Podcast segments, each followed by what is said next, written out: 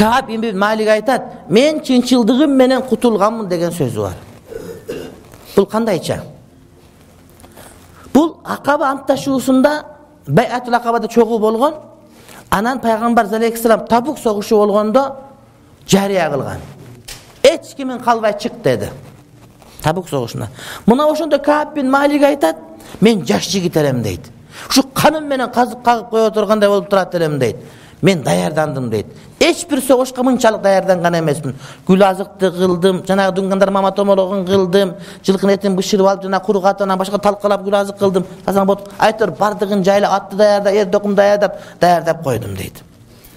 Эң жакшы аракет кылдым дейт анан пайгамбар алейхисалам мына жөнөдүк дегенде мен айттым булар жөнөй берсин мен жаш жигитмин чаап жетип анткени азыр төшөнү бар башкасы бар араба бар да булар деген бир күндө отуз километр баса турган болсо бара берсин он күндүк жол экен мен бир эки үч күн болгондо жөнөп жетип алам дагы жүрөйүн ишим деле жок кармай турган дейт да. Просто мен жашмын дейт ушинтип каным ушинтип турам дейт. Анан булар төбө менен жанагы караван болуп секиндилип кетип атса мен ошентип жүргүм келбеди мен шап жетип алам деп ошентип жөнөп калдым дейт эки ааламдын көсөмү пайгамбарыбыз аттанууга буйрук берип кошун аттана баштады. Мен өзүм өзүм баары бир артынан кууп жетип барам деп алар менен бирге аттанбадым. Кол кармаган жумушум деле жок. Болгону өзүмө болгон ишенүүм мени алаксытып жатты. Мына бүгүн мына эртең деп отуруп күндөр билинбей өтүп кетти. Эми алланын элчисине жетүүм мүмкүн болбой калган эле. Аргасыз күтүүгө туура келди да күтүп жата бердим дейт. Болбой калды дейт жөндөн жөн ушундай болуп калган мен ислам университетти бүтүп анан мугалим болуп иштеп калдым. Анан биз мурда молдодо окуган эмеспиз да биз мугалимдин баласыбыз. Анан бүтүп калганда сабак берип атсам анан кээ бир айылдардан молдолордо окуган балдар келишти. Алар мен кафе окуй булар кафе жаттап коюшкан балдар экен эми сабак бересиң эле жогору адамдар анан эчтеке өзүмө окшоп билбей келгендер сабакка келишти анан шаарга келгенде жана эчтеке окубай келген балдар эчтеке билбейт экенбиз деп чымырканып жакшы окушту башынан баштап. Таарат китепти окуп жетелеп барып тааратканага барып таарат алып көрсөтүп бересиң. Китеп намазды окуп мечитке барып намаз окуганды көрсөтүп бересиң а тигилер тааратты билишет алар барышпайт да кроссовканы кийип нары басып бери басып жүрүшөт. Вот ушундай окуя болду. Алар билет жетип алабыз дешти бирок жетпей калып кетишти ушулар. Мен өзүм көрдүм ошону. Ошол балдар азыр дагы деле базарда жүрөт ошол билген намаз ошол ушул таараты менен наракка өткөн жери жок. Ошол кафия жаттаганын башында кыз деле калган жери жок. Ошону менен дагы ошентип жүрөт. Бирок жана эчтеке билбей келип ээрчип барып окуп үйрөнүп аткандар азыр аалым болуп урматтуу бир тууганым мен өзүмө сабак бере турган дагы деңгээлге жеткендерди өз көзүм менен көрдүм мына ушумен. Ушуну окуп атып ушу эсиме түштү меники ошон үчүн эч убакта жанагы мындай тоготпой койбош керек да? Тоготуш керек урматтуу бир тууганым ушул жака сабакка келип жүргөндө деле кээ бирлер бар эле эмнени айтат дегендер бар урматтуу бир тууганым. Бирок ушу сабакка келип жашоосун ондо башка кылып ошолордон ашып кеткендерди мен көп көрдүм. Сабакка төрт жыл каттап жүргөн бирөө университетти беш жыл окуп бүткөн бирөөгө маселе айтып маселага түшүндүрүп койгон өз көзүм менен көрдүм. Жумасына эки жолу сабакка келет а беш жыл үзбөй университет ислам университет бүтүргөн адамга маселе айтып анын ордуна койгон өз көзүм менен көрдүм мен. Демек адам аракет кылса болор экен илимге а сахабалар ошентип илим алышкан. Сабактан калган эмес. Эгер келсе бири баса бири келип бири бирине айтып берип турган.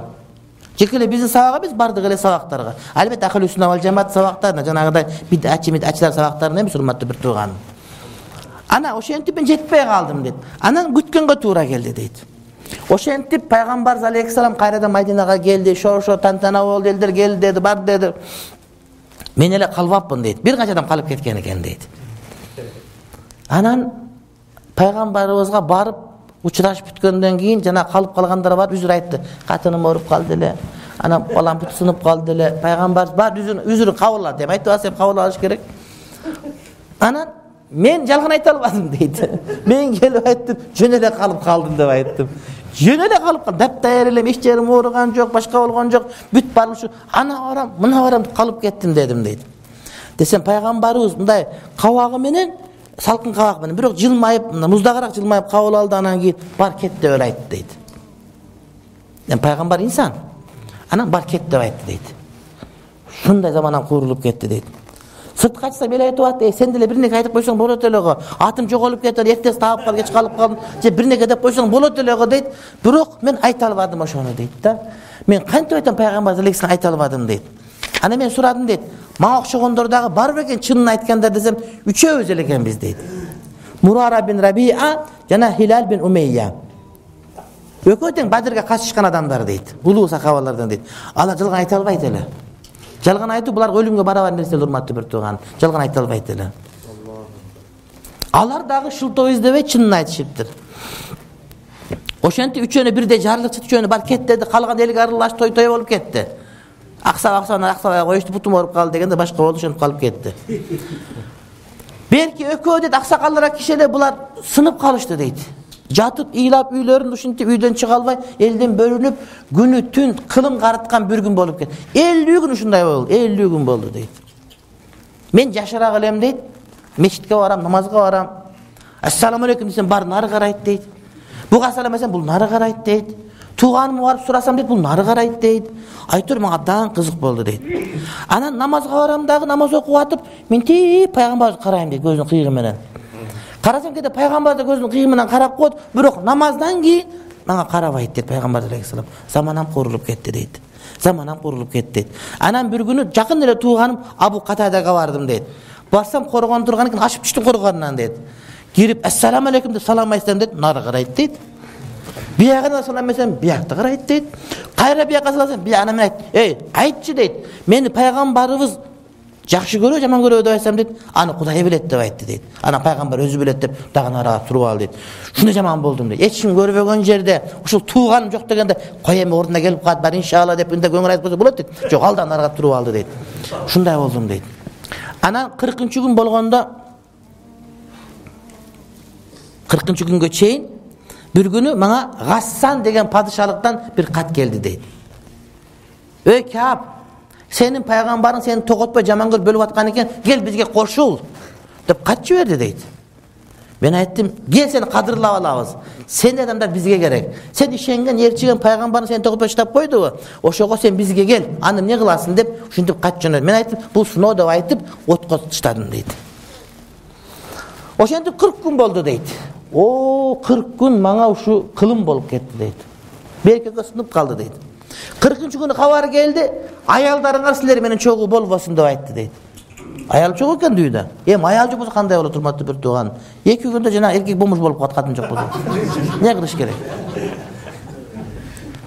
Мен айттым талак берейинби дедим дейт карачы ыйманга болгон. Жок талак бериштин кереги жок жөн эле аялдарыңар үйүңөргө барсын экен деди сыноо ушундай келди бир гана хилалдын аялы бар айтыптыр менин абушкам чал мен жок болсом жүдөп калат чындап жүдөйт кой дегенге уруксат бериптир анан туугандар сен деле барып айт мен деле тамак кылышты билбейм мен өлүп калам деп айтчы мен давлением бар деп айтса ага дагы аялың калат деп айтса жок айткым келбеди аны деп айтпай койду. Ошентип отуруп элүү күн болду дейт. Намазга бара албай калды мечитке дейт. Барсаң эч ким салам айтпайт дейт. Намаз окуйсуң жалгыз өзүң окугандай дейт анан үйүмдүн крышасына чыгып багымда токуп отурат элем дейт бир маалда эле бирөө. Каапты ким көргөн бар? Ким сразу билдим. Мага бирнеке болгон дейт. Чуркаган бойдон мачитке барсам пайгамбар мачитте намаз окуп анан аят түшкөн экен биз жөнүндө дейт да. Берсем эле бирөө сага ушундай аят түштү дегенде сүйүнчүгө дароо үстүмдөгү кийим баарын бере бердим дейт. Өзү болгон эки эле кийим бар дейт. Ыштан менен көйнөгүм экөөнү тең бере бердим анан бирөөдөн кийим алып кийип анан пайгамбарга өттүм дейт. Сүйүнчүгө бердим дейт барсам пайгамбарыбыз мени элдер кучуктап куттуктап башка кылып ушундай кылышты анан э, талха туруп менин мойнуман кучактады дейт. Мухажирлерден ошо гана турду дейт биринчи дейт да.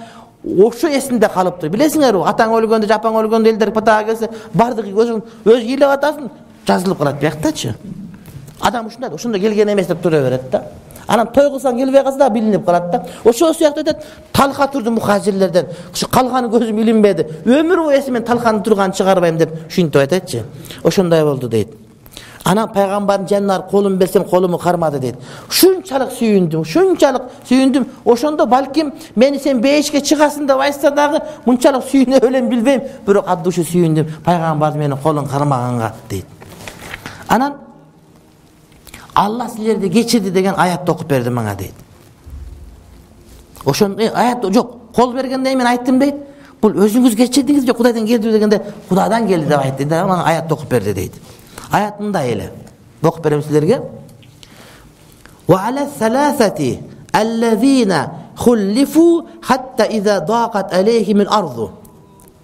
Үчөөнө кечирим келди дейт.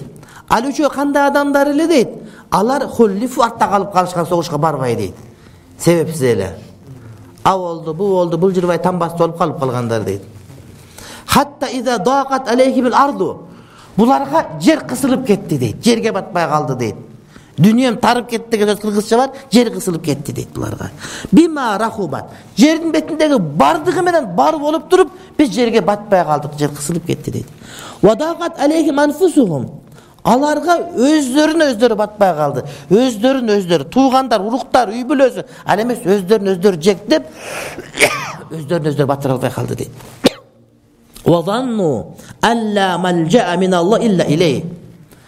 эми кудайдан башка каяка качып барабыз. Кача турган жердин өзү жок биздики. Эми бир эле кудайдан деп ортого тааныш сала албайт айта албайт сатып ала албайт же качып кете албайт. Бир гана кудайдан башка айлак калбай калды дейт сумма таба алейхим. Кийин кудайым булардын тообасын кабыл кылды. Лиятубу алар тооба кылыш үчүн дейт. Тообасын кабыл кылды булардыкы дейт. Рахим. Кудай таалам тообаларды кабыл кылуучу жана кудай таалам ырайымдуу деп кийинки аятта келди. Я аману о ыйман келтиргендер иттакуллаха кудайдан корккула чынчылар менен бирге болгула деди.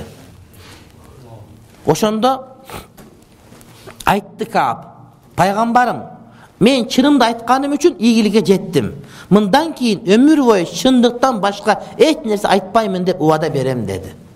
Мына чындык айтам деп элүү күн тозокто жашады тозокто. Тозокто жашады. Он күн аялда кетип калды кетирип коюшту урматтуу бир тууган бирок чындык үчүн турду. Бирок түбөлүк бейиш болду деген сөз. Пайгамбарды алдап койсо пайгамбар алданбайт эле. Бирок адам айтып алса ишенгенге туура келет эле да ошон үчүн мен чындык менен ошондон кутулдум деди урматтуу бир тууган бул мисал куранда келет. Ошон үчүн биз дагы кээде чындык айткан үчүн кээде биз ишке албайт башка кылат ырыскың азаят э, чогулуштарга чакырылбай каласың э, соттордо жүрө беришиң мүмкүн. Бирок ал убактылуу нерсе. Кудайдын астына барганда чындык сөзсүз түрдө керек болот. Бирок чындыкта ошол чындыктарды айтканды билиш керек